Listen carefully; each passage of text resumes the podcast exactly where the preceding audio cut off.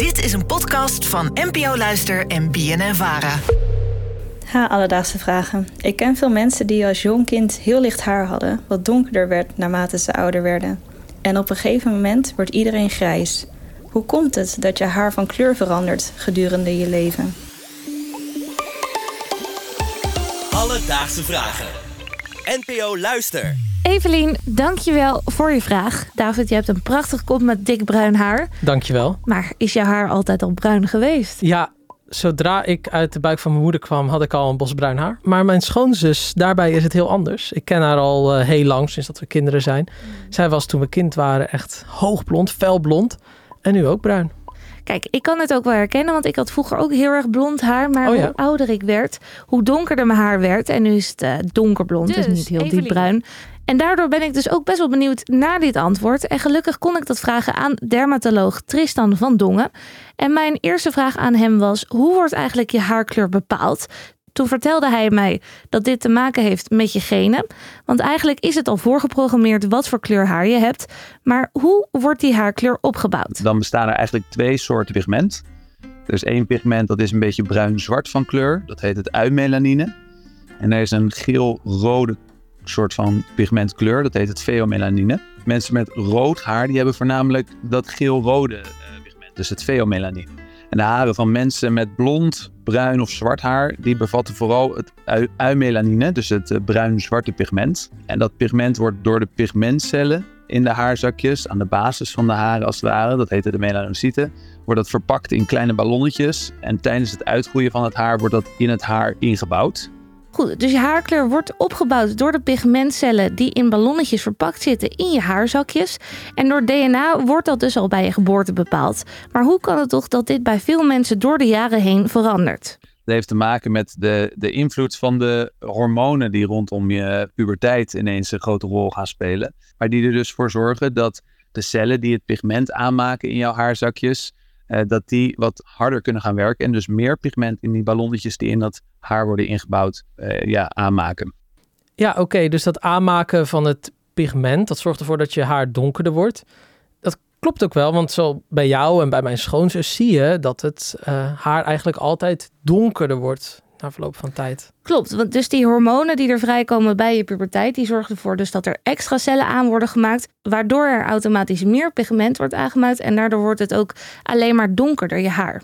Ja, behalve als je dan weer grijs wordt. En in de zomer. Mijn haar wordt ook altijd lichter in de zomer. Ja, en dat is eigenlijk best wel gek als je erover nadenkt, want je haar wordt lichter terwijl je huid die wordt bruiner, die krijgt Ja. meer pigment.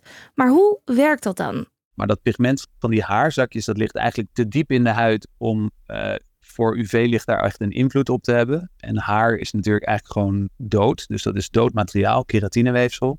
En zodra dat pigment in dat haar is ingebouwd, kan het zijn dat door het zonlicht, door, oxidatie, dat pigment afgebroken wordt.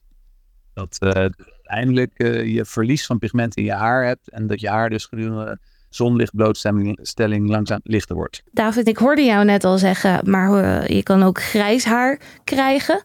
Maar hoe zit dat dan? Eh, die pigmentcellen die worden de hele tijd weer opnieuw aangemaakt eh, als ze verloren gaan vanuit stamcellen. En stamcellen zijn eigenlijk een soort van basiscellen die zichzelf kunnen veranderen in de cellen die dan daar lokaal nodig zijn. Dan in dit geval de pigmentcellen.